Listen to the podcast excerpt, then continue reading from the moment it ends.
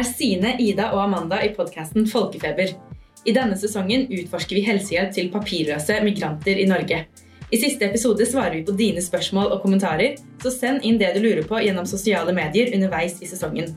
Folkefeber har fått stipend fra SKI, Center for Sustainable Healthcare Education, ved Universitetet i Oslo.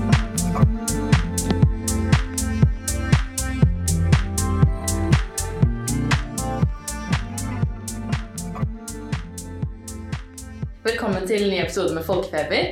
I dag er det Sine og jeg og Amanda som sitter her. Og i dag er vi veldig heldige og skal snakke med Svein Aarseth. Og du er allmennlege og arbeidsmedisiner, og nå er du leder i Rådet for legeetikk i Legeforeningen. Og slik vi har forstått det, så har du vært engasjert i helsehjelp for papirløse migranter i mange, mange år. Det stemmer, det. Jeg har eh, på en måte fulgt dette helsesenteret helt fra begynnelsen. Men jeg har ikke jobbet der som frivillig riktig så lenge. Men jeg har eh, vært med, ja. Og vi gleder oss masse til å snakke med deg. Velkommen så mye. Takk. Og det første vi vil spørre om, det er egentlig å høre litt mer om ditt yrkesliv. Altså hva, hvor du har jobbet, og ja, de ulike sakene du har jobbet med. da. Nei, jeg har jo på en måte, hva skal vi si, to Jeg er jo spesialist i allmennmedisin, og jeg har jobbet eh, i distrikt eh, på Åndalsnes i noen år. Eh, ellers har jeg fra 1990 til jeg nå ble pensjonist for et år siden, jobbet på Kjelsås her i Oslo. Og som arbeidsmedisiner så har jeg vært bedriftslege i NSB på et verksted. Jeg har vært bedriftslege på det som nå heter Ahus og på Diakonhjemmet. Riksrevisjonen. Eh, NMD, Norsk Medisinaldepot, eh, blant annet. Eh, det er sånn kort oppsummert det jeg har jobba med. Mm. Så har jeg eh, eh, brukt en del tid eh, som tillitsvalgt i legeforeninger i litt forskjellige roller. Eh, særlig knyttet til Oslo legeforening, og de siste syv årene som leder i Rådet for legeetikk. Mm. Nev- Du nevnte at du pensjonerte deg for et år siden. Ja. Men du er vel fortsatt leder i Rådet for legeetikk? Det er jeg. Ja. Det er ut dette året. Ut dette året. Mm. Hva, gjør, hva gjør du der? Hva går den rollen ut på? Altså Rådet for legeetikk er øh, Legeforeningens skal vi kalle det sakkyndige organ i yrkesetikk og medisinsk etikk. Øh, så vi rådgir øh, tillitsvalgte i Legeforeningen. Vi behandler klagesaker, og vi kan ta opp ting på eget initiativ. og vi er øh, valgt av landsstyret, så vi har en sånn ganske sånn selvstendig og unik posisjon og kan øh, jobbe for så vidt uavhengig av den politiske aksen, f.eks. Ja. Er papirløse noe tema der? Eh, ja, det har det vært også før min tid. Eh, og eh, Legeforeningen jo hadde på 2008 en, en såkalt statusrapport om migrasjonshelse, hvor de da laget en klar uttalelse om at helsetjenester skal gis etter behov og ikke etter oppholdsstatus. Mm. Mm. Og Det bringer oss jo litt inn på hva slags arbeid du har gjort for papirløse. Hvordan ble du engasjert i det? Eh, det er Kort fortalt så ble jeg oppmerksom på det da eh, Leger uten grenser hadde TV-aksjonen, og jeg oppdaget at de drev et arbeid i Sverige. og Det hadde jo litt vondt for å skjønne hvorfor av verden skulle de være, være der, men det var da denne gruppen. Og da skjønte jeg at den gruppen finnes jo i Norge også. Eh, Så det var i grunnen det som begynte engasjementet mitt. Når var det cirka? Uh, ja, Kan det ha vært 2007 eller noe sånt? Ja. Ja. Uh, og så har jeg gjort et par kartlegginger. Den ene eh, sammen med Trygve Kongshavn om eh, leger i Oslo og Drammen og Liers kontakt med, med denne gruppen og hvordan de håndterte det. Eh, publisert i Utposten. Og så gjorde vi en kartlegging rettet mot alle allmennleger i 2010, og det ble publisert i Tidsskrift for Norsk legeforening. Det er liksom litt sånn Forsøke å forstå, og forsøke å forstå hvor, hvor særlig allmennlegene står, og hva de mener i denne, om, om disse personene. Da. Og hva mener vi da? Det er jo et ganske stort flertall som sier at de vil behandle gruppen, og det vil de gjøre uavhengig av eh, problemstilling. Altså det er en selvfølge for alle at de skal ha rett til øyeblikkelig hjelp. Eh, men de, mange, svært mange vil behandle dem uavhengig av problemstilling. Eh, og dette var da før denne forskriften kom i 2011. Mm. Ja.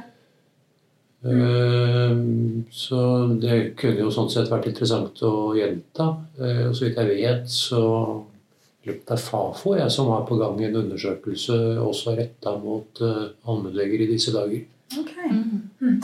Fordi du sa dette her var i 2010. Du hadde ja. den her ja. siste ja, undersøkelsen. Eh, hvor, altså, opplevde du da at fastleger generelt var klar over denne problemstillingen og hadde møtt på den? Um, at det hadde vært papirløse migranter som hadde kommet på kontoret eller ringt og ønsket hjelp på en eller annen måte?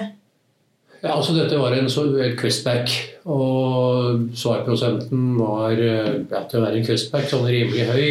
28% eller noe sånt nå. Mm. Og eh, da var det vel en eh, opp mot halvparten som hadde vært i kontakt med gruppen. Eh, på det tidspunktet så var det jo ganske mange mottak rundt omkring i landet. Eh, så det var på sett og vis forståelig. Mm.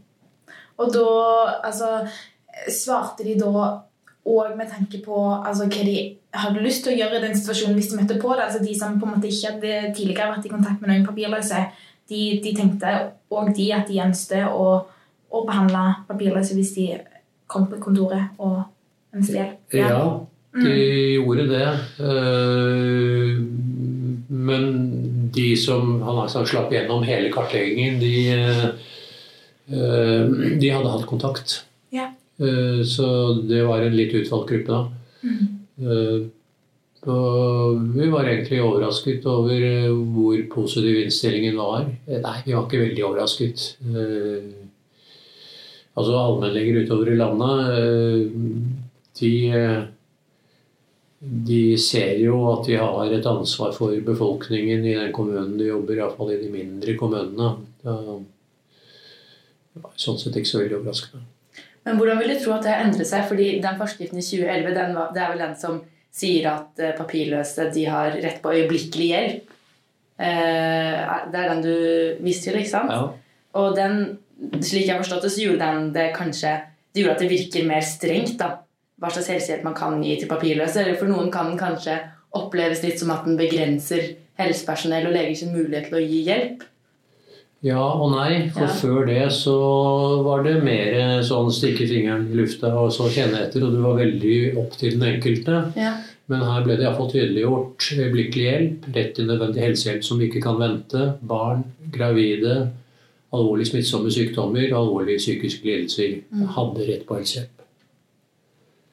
Så, sånn sett så kan du jo si at det tydeliggjorde hva man faktisk hadde rett, rett på. Og det er dessverre sånn at hvis man ikke helt vet hva man skal gjøre, så er det lettere å si nei enn ja i mange situasjoner. Mm.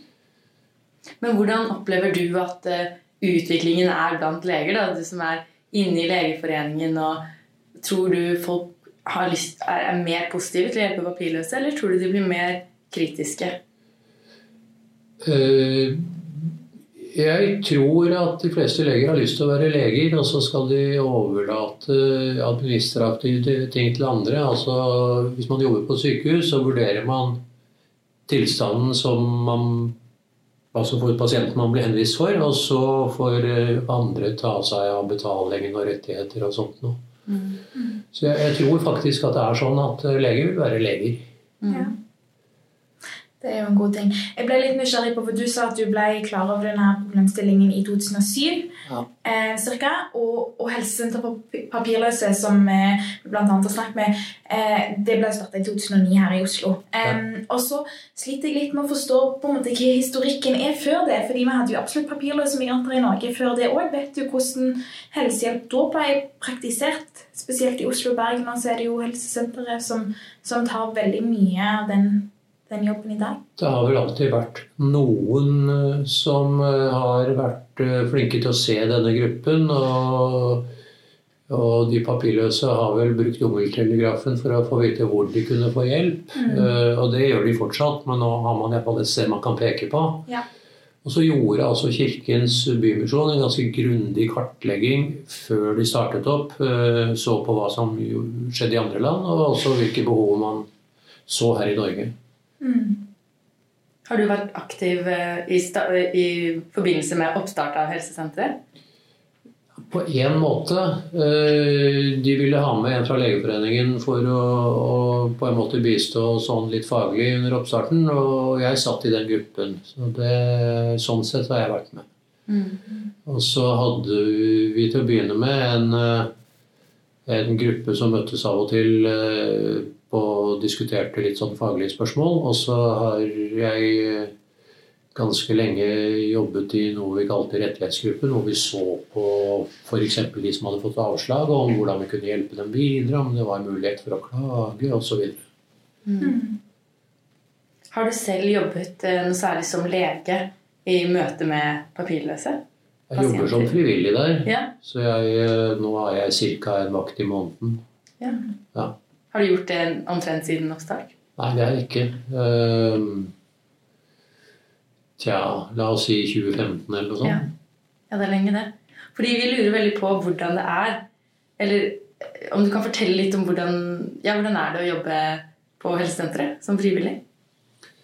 Eh, for det første så treffer du jo en haug med positive folk som jobber der som frivillige. Det er veldig hyggelig å jobbe der. Mm. Og så tror jeg de fleste pasientene er ganske eller føler seg trygge på å komme dit. Uh, man har en del å, å spille på. Uh, det er leger, sykepleiere, uh, farmasøyter, fysioterapeuter, psykologer. vi har mulighet til å henvise til tannlege, øyelege, gynekolog. På huset? Ja, altså I perioder så har vi f.eks. tilgang til gynekolog, hvor man da kan ja. sette dem opp på time. Det er da altså en frivillig gynekolog da, som kommer. Uh, så det er uh, Da det startet opp, uh, så var det lagt opp til at det skulle være en god tjeneste. og jeg sa da de begynte å åpne opp, at dette var egentlig et kontor jeg gjerne kunne sett var mitt eget kontor. altså Det var så godt utstyrt og, og sånn. Så det, og det, det syns jeg er litt, litt, viktig, at også denne gruppen ser at de skal ha på en måte det samme som andre. Mm. At det er ja, skikkelig kvalitet i den helsetjenesten ja. som en ja. bedriver. Mm. Eh, men det er jo eierne, altså Røde Kors og Kirkens Bymisjon, som er veldig tydelige på dette. At det skal være ordentlig. Ja. Men hvordan vil du si det er å Eller er det noen forskjell på å møte eh, pasienter som er på papirløse, sammenlignet med pasienter på et annet legekontor? Som ikke er papirløse? Eh, som mennesker, nei. Men altså situasjonen deres er jo helt for forskjellige, og de lever jo i en fortvilet situasjon. Eh, og det gir seg jo kanskje litt kroppslig uttrykk, særlig mageplager, muskel-skjelettplager og litt psykiske plager. Eh, men eh, jeg oppfatter dem som han har sagt pasienter fra en vanlig praksis, men det er noen utfordringer språk, kultur eh, og å kunne få til en kontinuitet i oppfølgingen. Mm. Ja. Eh, Hvorfor er det en utfordring? Eh, altså språk Jeg tenker på kontinuiteten. Ja, jeg skjønner. Ja. Må jeg starter med språket, ja. så, så igjen så er det disse organisasjonenes profesjonalitet. Hvis vi ikke klarer å skaffe en, en tolk blant frivillige, så ringer vi Tolkenett.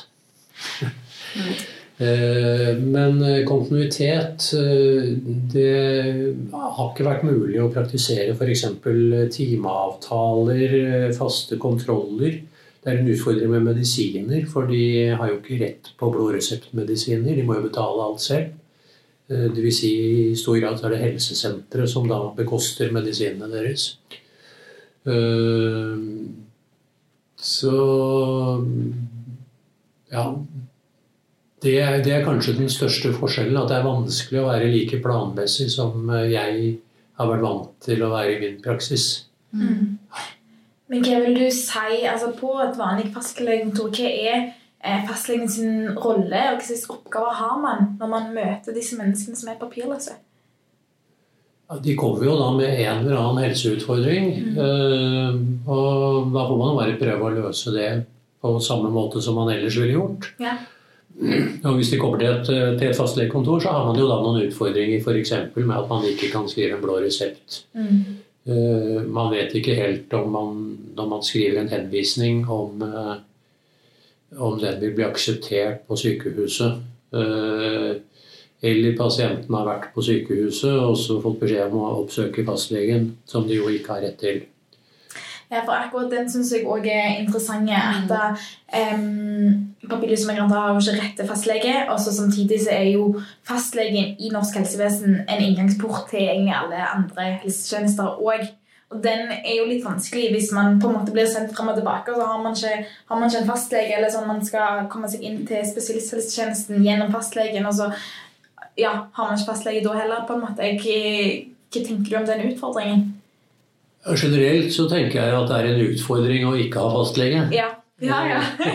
Eh, og det gjelder ikke bare denne gruppen, men det gjelder andre også. Ja. Eh, men for denne gruppen blir det jo spesielt ille. For det er ikke Altså det, det litt geniale med fastlegeordningen det er at man kan peke igjen på, på, på en person og si at du har ansvaret for dette. Eh, det er ganske unikt i norsk forvaltning. Men de som da enten har valgt å ikke ha fastlege, eller som ikke får lov til å ha fastlege, de har da et problem. For da må de forholde seg til det kommunale tilbudet som måtte være for de som tilfeldig skal ha hjelp i kommunen. Og det er ofte legevakten, og det, legevakten er rigget for noe helt annet. Så det er, det er vanskelig. Mm. Og legevakten, altså sånn, Hvis det på en måte ikke er veldig akutt, så er det jo normalt at en da henviser fastlegen på mandagsmorgen eller dagen etterpå. eller ja. ja. Mm. Så det, det, det, er et kjempeproblem. Eh, og hvordan det løses utover i landet, det må jeg innrømme at det vet jeg ikke nok om. Men eh, helsesenteret i Oslo, og sikkert i Bergen også, de har etter hvert fått et ganske stort oppland. Mm. Det er ikke bare Oslo. De, kommer, eh, altså de kan komme fra sørlandsbyer og langt oppe i Gudbrandsdalen og sånn for å komme på helsesenteret og få hjelp.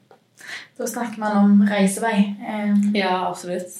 Fordi da hadde jeg kommet til å tenke på Hvis det er så lang reisevei da, det er jo, Jeg vil tro at for papirløse så er det mye vanskeligere å komme i kontakt med et godt helsevesen. Eh, og er det da sånn at plagene papirløse kommer med, er eh, annerledes? Fordi kanskje det kanskje er mer alvorlig, det skal mer til før man går til legen f.eks.? Eh, det varierer litt. Altså Mange av dem eh, kommer jo fra et land med god helsetjeneste, og de har kanskje hatt tilgang til helsetjeneste før de kommer til Norge.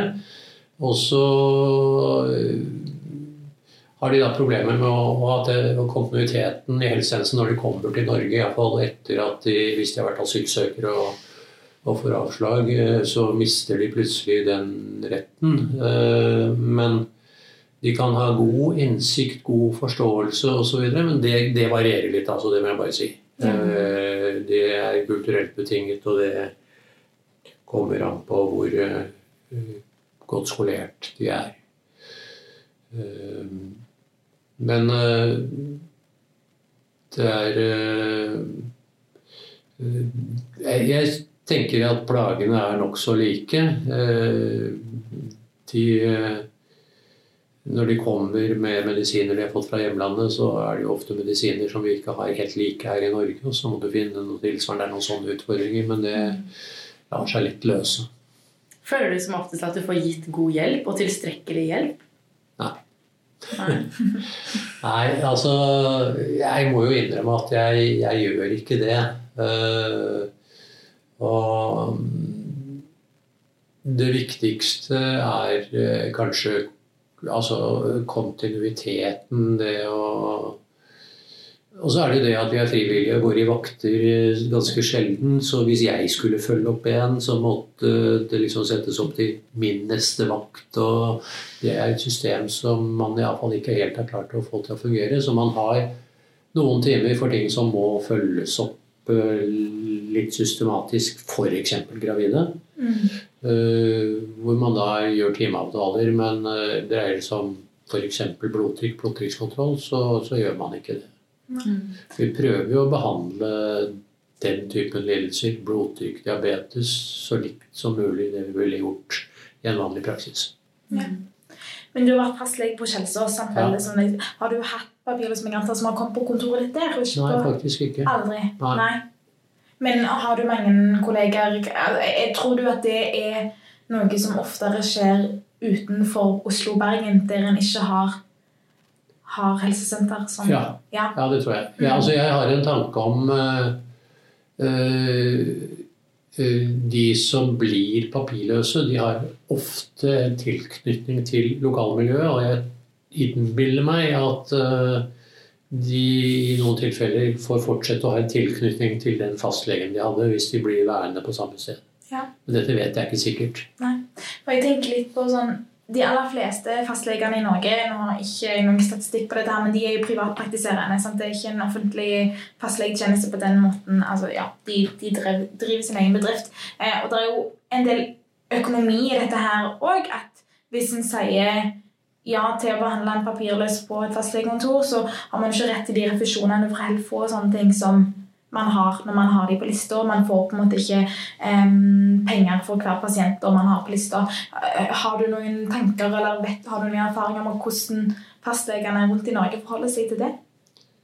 Uh, vi prøvde å finne ut i det i den første lille kartleggingen vår. Uh, og da var det noen som ikke tok betalt, og noen som Eh, prøvde å sende en regning til Helfo, litt varierende. Eh, eh, men det er jo riktig som du sier, altså disse har jo ikke krav på refusjon av utgiftene. Så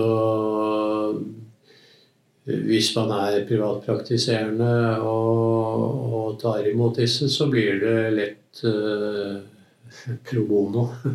Ja. uh, for spesialisthelsetjenesten så er det jo slik at det er en paragraf i spesialisthelsetjenesteloven som sier at uh, altså sykehuset skal bære kostnadene hvis pasienten ikke kan betale. Stemmer. Mm. Men i primærhelsetjenesten så blir det gjerne fastlegen som sitter igjen med regningen, da. Ja. Mm. Så er det jo faktisk noen kommuner som uh, har lagt til rette for at uh, også papirløse skal kunne få tjenester ved at de inkluderer dem i uh, migrasjonshelseprogrammene sine. Ja. så vidt jeg vet, da. og da er det jo kommunen som bærer kostnaden. Men jeg har hørt om uh, gravide som har fått regning fra helsestasjonen for svangerskapskontroll. Og... Så det er litt forskjellig. Ja. Mm. Mm. Har du noen eksempler på møter med papirløse pasienter som har gjort spesielt stort inntrykk? Uh, jeg har jo, altså Når jeg har pratet med dem om, eh, om hverdagen og mer hverdagslige ting, så slår det meg jo altså, hvor lite de skiller seg ut fra den gjengse nordmann. Det vil jeg gjerne si. Ja, Det er et viktig poeng. Uh, og så har jeg egentlig ikke lyst til å gå i detalj på noen historier. Men det er jo altså f.eks. hvordan de livnærer seg. Du kan bli overrasket altså hvor kreative de er. Eh, hvis vi ser bort fra det faktum at de ikke har lov til å jobbe her, så, eh, så gjør de allikevel dugnadsarbeid. For jeg tror det er ganske mange av dem som blir utnytta. Mm. Ja. ja.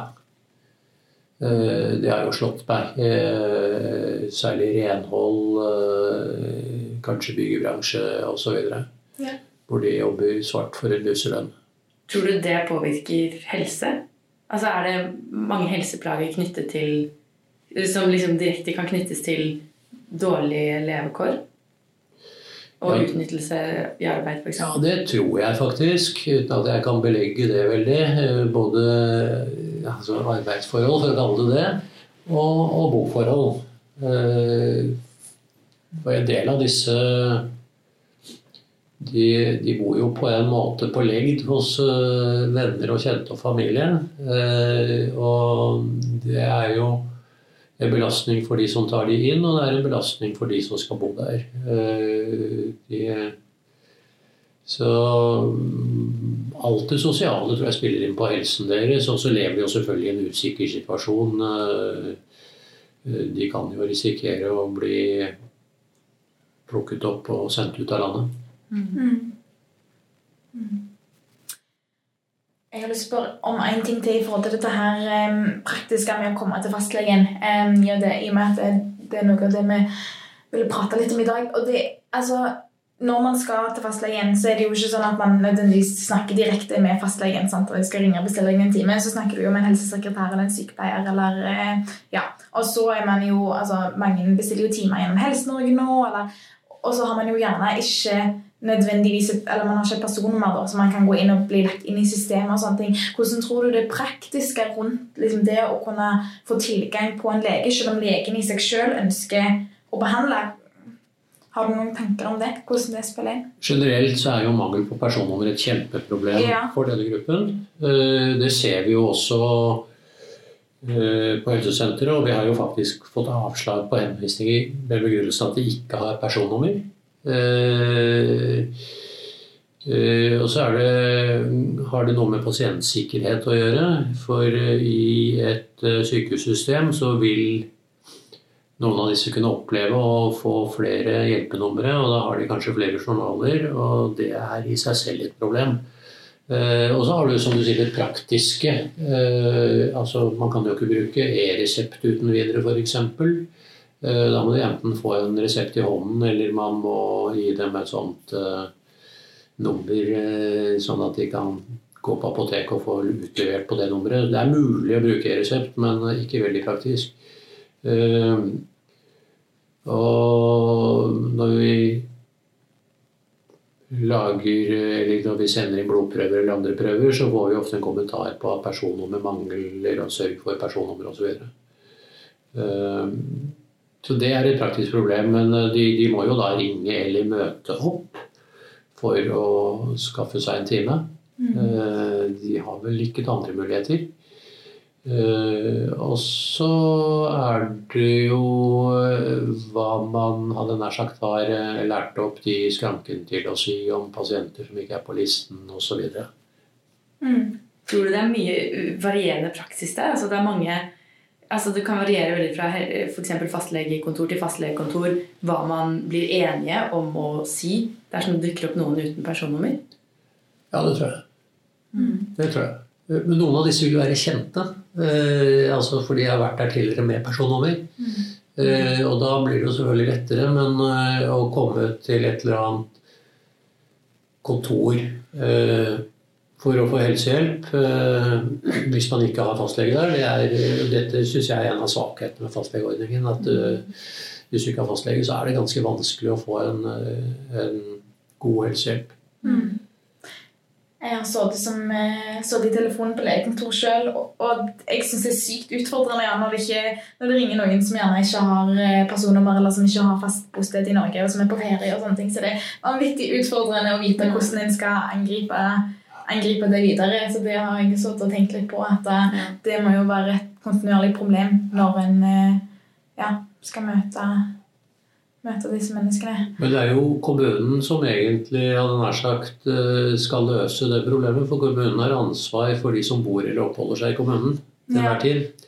Uh, Oslo kommune har jo løst det på den måten at de har inngått avtale med noen få fastlegekontorer som tar imot pasienter som ikke har rett til fastlege. eh, ja, og da kan gå dit. Eh, Du har gjestearbeidere du har, altså Det er mange grupper som kunne trenge tilgang til lege enklere enn det de har i Norge i dag. Jeg lurer på hva, hva bør man gjøre da hvis man er fastlege på et kontor, og, man, og det dukker opp papirløs pasient, er det, er det hva, hva må man gjøre? Eh, altså, man må jo faktisk vurdere behovet av helsehjelp. Mm. Eh, og eh, det er jo sånn at eh, hvis det dreier seg om noe av det vi snakket om i stad, som de har rett på etter denne loven, så må de faktisk vurdere det, eller sørge for at de kommer til et sted hvor de får hjelp. Altså hvis det ikke eh, hører under det, så kan de jo si 'beklager, jeg kan ikke hjelpe deg', men eh, det er loven. Eh, og så får, du jo kjenne på, seg, på sin egen samvittighet og sin egen etikk om hva de, hva de syns de skal gjøre. Så får vi se på det som en liten utfordring. Ja, fordi Vi vil gjerne snakke litt mer om etikk og yrkesetikk, for det har vi tenkt mye på i sånne situasjoner hvor loven sier én ting, um, og, så, og, så, er man jo lege um, av kanskje en annen grunn til at man bare vil følge loven. Man er jo lege fordi man vil hjelpe. Og på studiet for eksempel, så lærer vi om etiske prinsipper uh, som vi også skal følge. Og hva gjør man i sånne situasjoner hvor eh, det kanskje blir Eller oppstår det sånne situasjoner, tror du ofte, hvor, hvor det er et um, slags dilemma mellom det loven sier, og yrkesetikken? Uh, altså Noen ganger så er det jo ganske enkelt og andre ganger så er det litt mer komplisert. Men eh, det er veldig viktig å si at denne loven begrenser ikke legens rett til å gi helsetjenester. Den eh, begrenser bare pasientens rett til å få helsetjenester. Og det er jo nå i disse dager noen som hevder at det eneste disse har eh, krav på, er livsnødvendig helsehjelp, som de sier. Men det, for det første er det feil. Og for det andre så, så, sier jo vår etikk klart og tydelig at vi skal yte helsetjenester etter behov. Og Legeforeningen er knalltydelig på dette her. Mm. Ja, for slags refleksjoner har du gjort deg som leder for Rådet i Legetek eh, om hvordan yrkesetikken spiller inn i denne problemstillingen?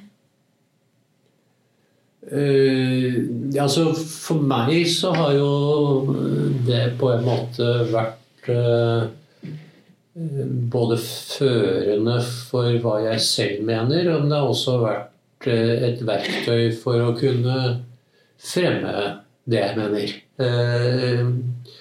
Så og om jeg ikke har jobbet så veldig mye som frivillig, så har jeg nå prøvd å delta i samfunnsdebatten på dette området. Og det er klart at For oss er etikken viktig. Eh, det å skulle hjelpe, eh, yte tjenester, eh, skjerme om taushetsplikten, prøve å fordele ting rettferdig. Altså, våre etiske regler er helt tydelige, det. Legeforeningen har et par såkalte policy-dokumenter som går på dette. Det første kort fortalt eh, tjenester etter behov. Det andre sier også noe om at eh, man syns at særlig barn skal ha rett til fastlege. Ja. Eh, og det, det, handler jo noe om at barn er barn og bør ikke lide fordi at foreldrene har satt dem i en vanskelig situasjon, eller for den del hvis de kommer hit alene som enslige mindreårige så bør de ha rettigheter. Og det, det sier jo forskriften at de har, men de trenger jo litt hjelp. Og igjen så er det slik at de egentlig skal betale for den hjelpen de får. Mm. Mm. Legeforeningen kom jo sammen med bl.a. Norsk Sykepleierforening og Psykologforeninga eh, i 2019 med et opprop som heter 'La oss gjøre jobben vår'. Ja. Sånn som jeg forstod. Var du en delaktig i det? Hva, hva var bakgrunnen for at Legeforeninga valgte å komme med det oppropet? Nei, det er jo fordi vi ser at uh, de fleste, eller majoriteten av politikerne på Stortinget er jo imot å gi helsetjenester til denne gruppen. Uh, og da bruker de litt forskjellige argumenter. Et av dem er jo uh, innvandringspolitisk. Noen synes å tro at hvis hvis man tilbyr helsetjenester, så vil Norge bli oversvømmet av papirløse. Uh, altså det er ingen kunnskap som tilsier at det å tilby denne gruppen helsetjenester er en såkalt pull-faktor. Så snakker noen om rettferdighet, at fordi de ikke yter noe til samfunnet, så skal de heller ikke ha rett på noe. Men samtidig så får de jo heller ikke lov til å yte noe, da. Eh, så det er et stykke vei å gå der, men vi, vi aner jo en endring. Altså Da helsesenteret ble åpnet, sa daværende og nåværende leder av Høyre at politiet burde komme og arrestere dem når de kom. Eh, nå sier hun iallfall ingenting, og det er jo kanskje et fremskritt. Mm. Jeg, vil gjerne, jeg vil gjerne snakke litt videre om på det politiske planet. fordi Du kom jo så nylig med en kronikk i Aftenposten eh, hvor du argumenterer for at eh, hvis vi har forstått det rett, at helsehjelp til papirløse det er egentlig ikke en politisk sak, fordi det er en menneskerett. Ja, vi mener det. Ja, eh, og jeg lurer på, Nå har vi snakket mye om det ansvaret man har som lege eh, på legekontoret for å yte helsehjelp. Men ved å skrive kronikk og uttale seg i media, så går man også på et politisk nivå og prøver å påvirke for bedre helsehjelp på et politisk nivå. Så jeg lurer på, hva tenker du er legers sitt, sitt ansvar her? Bør man både jobbe på individnivå med papirløse pasienter og på politisk nivå for å gi bedre helsehjelp? Eh, det korte svaret er ja. Mm. Eh, eh, det, altså, I går ble det jo behandlet et lovforslag på Stortinget eh, som vel ble nedstemt. Men da hadde jo Fremskrittspartiet et, et, eget forslag hvor de ville forby helsehjelp utover eh, livsnødvendig helsehjelp. Og de ville at de frivillige organisasjonene som bedriver slik helsehjelp, at de skulle melde fra at de var i kontakt med papirløse. Og det var i grunnen dette vi reagerte eh, såpass kraftig på som vi gjorde. Eh, og for det første så Eh, og De hevdet jo til og med at det var ulovlig å yte slik helsehjelp, og det er det jo ikke. Det står faktisk veldig tydelig i utlendingsloven at humanitær hjelp er ikke straffbart. Eh, og ja, helsepersonelloven har jo heldigvis klare og tydelige bestemmelser om taushetsplikt. Ja. ja. for det, det, går jo på direkte bekostning av taushetsplikten hvis en skal begynne å rapportere. hvis en er i kontakt med, altså, ja. Det gjør det det går imot alt det som jeg lærer på første dag som mm. og liksom videre i en yrkesrolle. Uh, helsepersonelloven har jo uh, noen paragrafer om opplysningsplikt. Men det som er felles for de paragrafene, det er at det går på å verne andres helse. Altså hvis noen utsettes for uh, stor fare risiko for kriminelle handlinger f.eks. Hvis noen ikke er egnet til å kjøre bil. Eh, barnevernet. Eh, så har vi en, en opplysningsplikt. Eh, men det er ingen Altså det å skulle melde fra om at man har en kontakt med en papirløs, det er Jeg, jeg syns det er uhyggelig at noen kan mm. komme på en sånn tanke. Ja. Tror du det altså sånn um for det ble jo en mediesak òg av disse her uh, utspillene som Frp kom med i den saken. Tror du at det skremmer helsepersonell vekk ifra å gi den helsehjelpen som en ønsker? Nei, det tror jeg ikke. Jeg Nei. håper jo at det får helsepersonell til å tenke. Ja. Eh, det har jo vært vår intensjon. Eh, og så har ikke vi noe spesielt ønske om å eh, synliggjøre noen partier. Nei, nei, nei. Absolutt ikke. Men den klinikken som du var med på å skrive, som reagerte på dette forslaget, den var jo det, De som slo meg da jeg tenkte over det jeg leste den, var at den var jo veldig politisk. Og av og til så føler jeg på studiet at vi, vi blir ikke oppfordret til å ikke være politiske, men det er en slags sånn forventning av og til at leger skal være nøytrale, og at man kanskje ikke skal uttale seg så mye politisk. Så jeg lurer litt på hvordan syns du, syns du, det er en slags konflikt, det å være lege og samtidig uttale seg politisk? Uh, nei, det syns jeg ikke. Og jeg syns det er en plikt å melde fra om det vi mener er urett, og mm. si fra om det. Uh, men her dreier det seg jo om uh,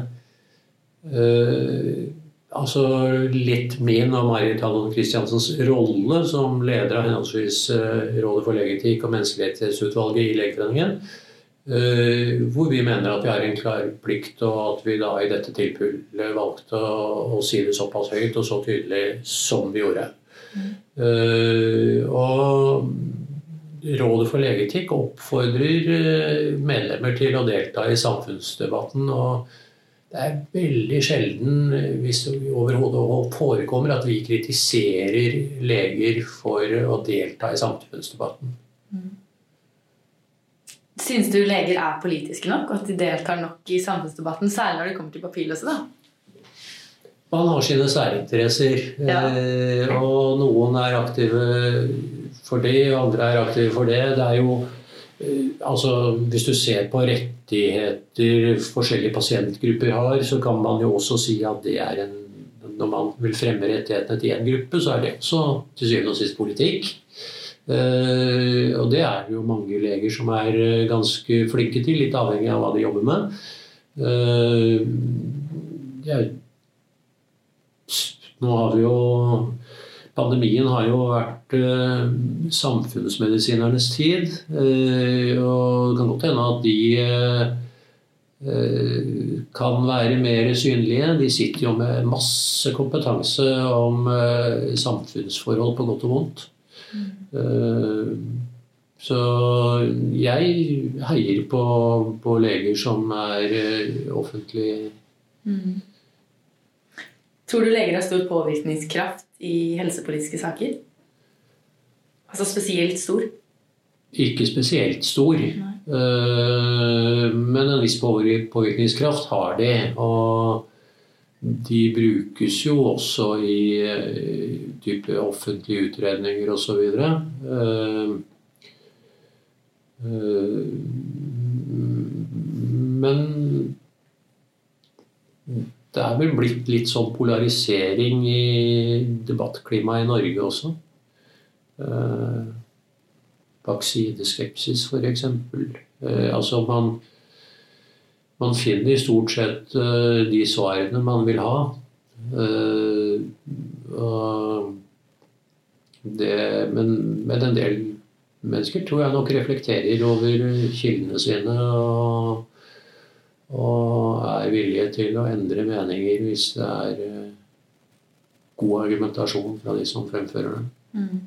Ja. Jeg sitter litt og tenker på sånn jeg, jeg tenker på at jeg tenker at det er veldig viktig å, å, at leger tør å, tør å eh, uttale seg offentlig. Men at vi får, jo veld, vi får jo lite opplæring i det på en måte på studiet. Synes du det burde være en del av medisinstudiet, og, og, at politikk da skal være en større del av det? Uh, ikke nødvendigvis eh, politikk, uh, men, men, dere lærer jo om kommunikasjon. Eh, og det er kanskje særlig pasientretta. Og det kan godt hende at man skulle få en litt mer kommunikasjon i andre former også. Eh, F.eks. det å kunne skrive i media. Eh, mm. tenker jeg ikke på fagartikler, men i, i massemedia. Og jeg har jo sett at medisinerstudenter medisinstudenter nå etterlyser eh, eh, det grønne i utdanningen. Ja, det stemmer. og jeg tror nok at det er viktig å, at man klarer å reflektere den tiden man lever i, og de utfordringene man står i til enhver tid. Det vil jo variere veldig. Eh, enkelte ting har jo forandret seg flere ganger eh, i den tiden jeg har holdt på. Et, typisk eksempel er magesårsbehandling. Mm. Eh, operasjoner, kur, antidepressiva. Oi, det var visst en bakterie, gitt. Mm. Ja. Mm. Og det så det at man eh, klarer å, å speile tiden og være litt ydmyk for at ting forandrer seg, og at man må kanskje gå i nye retninger, det, det tror jeg er viktig. Mm. I løpet av de åra du nå har eh, jobbet innenfor denne tematikken med helsehjelp til papirløse, og det vi hører nå at dette her forslaget ble nedstemt noen ganger, det har jo vært flere lignende forslag om å Eh, utvide tilbudet til papirløse. Skjer, det noe? Tror du at det er politisk at en kan få en lovendring etter hvert som, som gjør at eh, papirløse får, får, rett til helse? Jeg mer håper enn tror. Ja. Eh, men du skal jo ikke lenger enn til Sverige. Du ser at de har litt andre regler enn oss. Danmark på den andre siden er ganske restriktiv. Mm. Eh, så det er veldig forskjellig fra land til land. Eh, ja. Hva tror du kan gjøre at det, at det kan gå ifra håpe til å tro? Nei, Det må jo være opinionen som endrer seg. Eh, og at man For det første, dette koster nesten ingenting, for det er så få. For det andre så tenker jeg at det, dette er i kjernen av det samfunnet vi gjerne vil være. Og som vi påberoper oss å være. Og jeg tenker at eh, ethvert menneske bør få nyte godt av så god helse som mulig. Nå er jeg jo for så vidt i tråd med menneskerettighetserklæringer og ØSK-erklæring osv. Så, jeg vil tro at ting endrer seg. Men vi, vi, lever jo i en verden hvor Eh, individet eh, blir veldig viktig, og hvor individets rettigheter eh, blir veldig viktig. Og det virker jo som det er det som på mange måter styrer utviklingen, istedenfor det kollektive. At Se på grupper, og om det er noen som lider overlast, og andre som ikke gjør det han har sagt.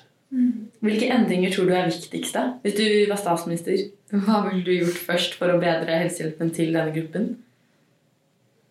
Uh, altså Rett til helse det innebærer jo tilgang til det, men det innebærer jo også at man skal ha råd til å bruke den helsetjenesten. Ergo så må det på en eller annen måte finansieres. Uh, og det tror jeg er, er veldig viktig. Mm. Og jeg eh, tenker eh, altså at barn ikke skal ha slike rettigheter, eh, som Det syns jeg er helt uhyrlig. Og så kommer jo da gravide og barselkvinner som en god nummer to.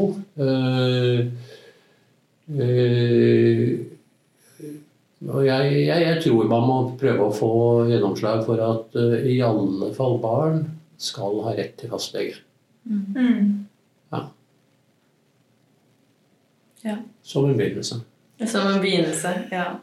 Jeg tror det er vanskelig å altså, er, det, er, det, en lang vei å gå før papirløse migranter får god helsehjelp i Norge? Er det vanskelig, på en måte? Ja, det tror jeg. Eh, og det henger litt sammen med eh, Jeg leste innstillingen til dette lovforslaget, eh, og de de sier jo de har rettigheter. Eh, og papiret har de det, men de har jo ikke råd til å benytte seg av dem. Eh, jeg pleier å si at alle som har råd, kan jo gå. Eh, så, så, økonomien i det er veldig viktig. Og det, det tror jeg ikke politikerne ønsker å ta inn over seg at uh, rettighetene må følges opp av praktisk mulighet til å bruke de rettighetene. Mm. Ja. Men hvis viljen hadde vært der, da? Hvis det hadde vært noen som hadde ledet som hadde hatt et skikkelig engasjement og ønske om å bedre helsehjelpen, tror du det da hadde vært vanskelig å få til? Nå er jo de største partiene De står jo på stedet hvil, og det tror jeg de kommer til å fortsette å gjøre en stund, dessverre. Eh, men eh, det har jo skjedd mye rart i regjeringsforhandlinger, så vi får jo se hva valget kan avstedkomme. Eh, for de, de, mindre partiene, i regjering eller utenfor, de har vel dypest sett et ønske om at dette skal gjøres bedre. Ja. Mm. Mm.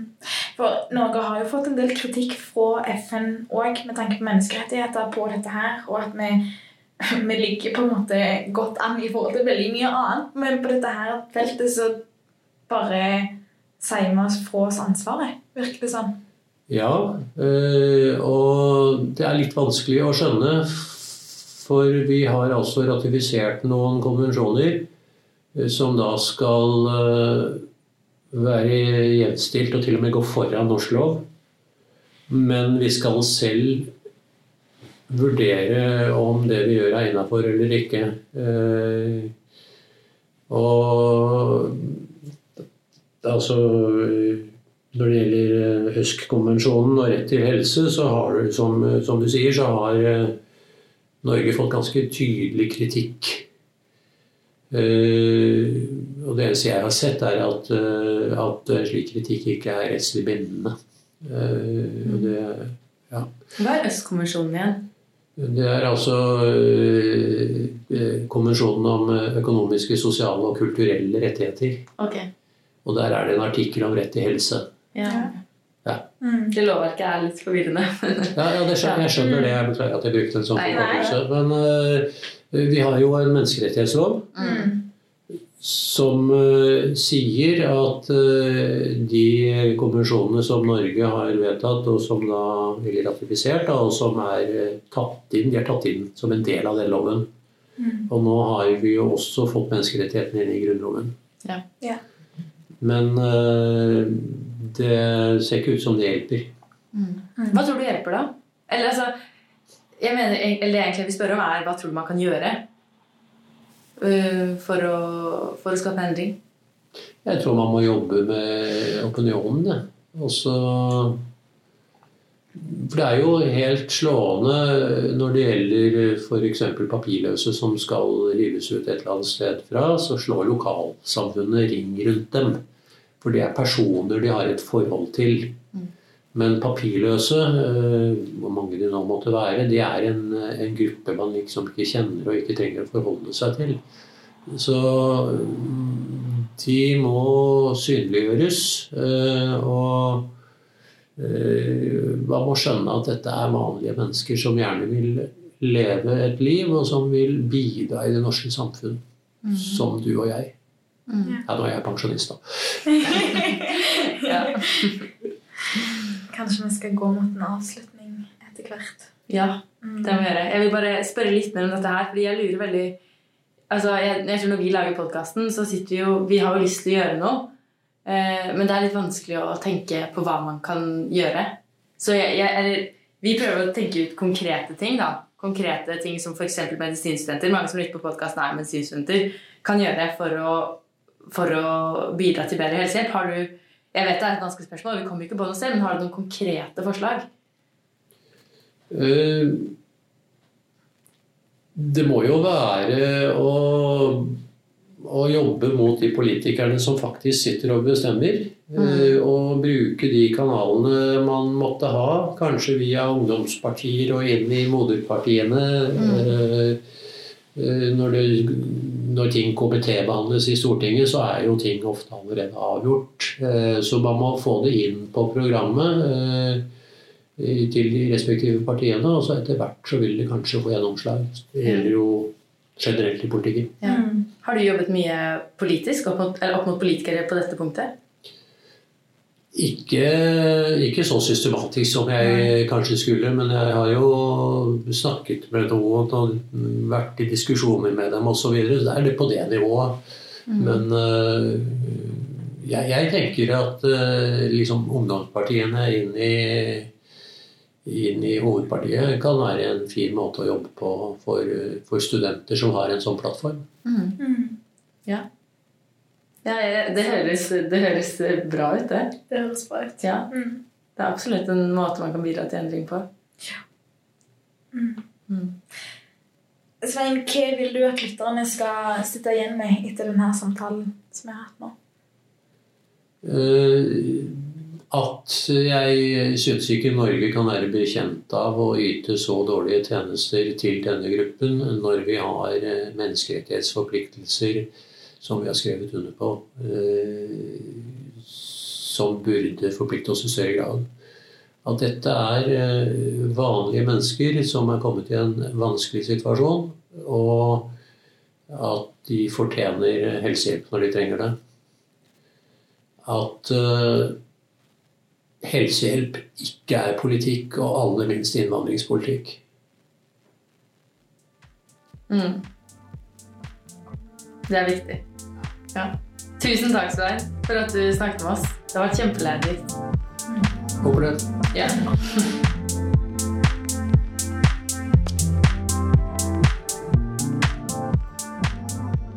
ja.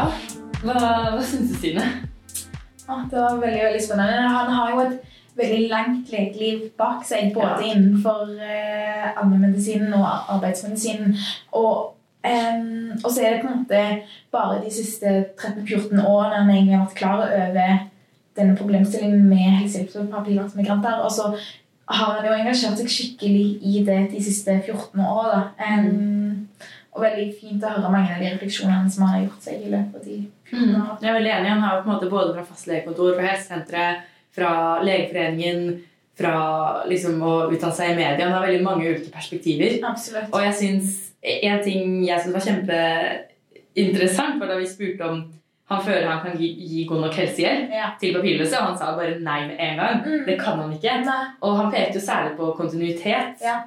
Og det er jo mye av grunnen til at man i 2001 innførte fastlegeordningen. At en ønsker kontinuitet for pasientene.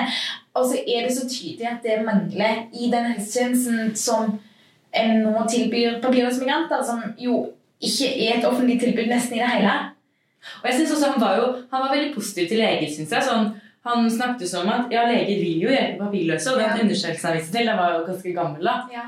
Eh, men slik jeg forstod, så viser den at leger generelt er positive til å hjelpe papirløse, men kanskje at det er mer eh, rammene som ja. gjør det vanskelig. Og Jeg ble veldig nysgjerrig, og, jeg, sånn, og det, jeg synes det var helt, veldig positivt at han sa det, at de undersøkelsene man hadde gjort, viser det. Eh, så blir jeg også nysgjerrig på sånn Én ting er å si at man ønsker å hjelpe, men sånn, når det koster litt, da, både økonomisk og praktisk, å gjøre det, eh, hvor, hvordan blir da de ordene overført til handling? Eh, mm. ble jeg nysgjerrig på, og det er ikke sikkert man kan få vite så mye svar på. Det er én ting på et spørreskjema kryssa på er du positiv til hjelp på papirløs eller ikke. Det er en ja. annen ting i en hektisk klinisk hverdag Nettopp. man faktisk gjør det. Det er sant. Mm. Det burde være noe studie på det. Ja, Eller absolutt. det burde gjøres noe på det. Enig. Um, men så tenker jeg at sånn Hvis man hadde begynt med å gi papirløse migranter rett til en fastlege, eller i hvert fall at man har en fast plass å gå til, så kunne man kanskje løst en del av utfordringene sånn praktisk og inngangen til helsetjenesten uten at det eh, nødvendigvis kosta så mye. og det ja. synes jeg interessant. Ja, fordi han nevnte jo det, altså det er jo et paradoks. Han nevnte jo at uh, at en ting som må gjøres politisk, noe av det første som må gjøres, er å lage økonomiske ordninger for ja. å hjelpe papirløse. Eh, men det sa han, det, han sa jo også at det ikke vil være så veldig dyrt. Nei. Og det er jo et paradoks, fordi det, altså det er, hvorfor kan ikke det bare gjøres, da? Nei, ja, hvis det ikke, det ikke krever så mye. Det... Jeg skulle veldig gjerne sett en helseøkonomisk analyse på det. Hvor mye ja. det egentlig koster å gi helsetjeneste?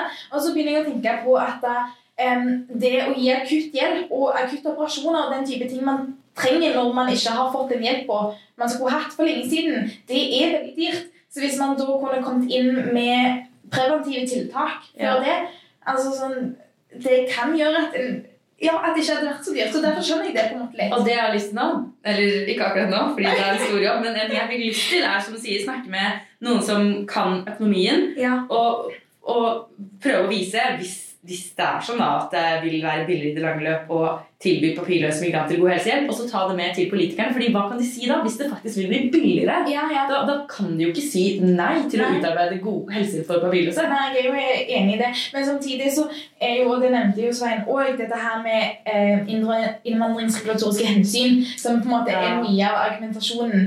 Det, men, og, men så viser jo den forskningen vi har på dette her, at det å gi papirløse migranter helsehjelp er ikke en sånn pull-mekanisme. Det gjør ikke at det, eller i hvert fall det en har sett, at det, det, er ikke sånn at da kommer det en haug med migranter til Norge pga. det. For det er jo faktisk en hel del land i Europa som har mye bedre helsehjelp til papirløse migranter i dag enn det Norge har.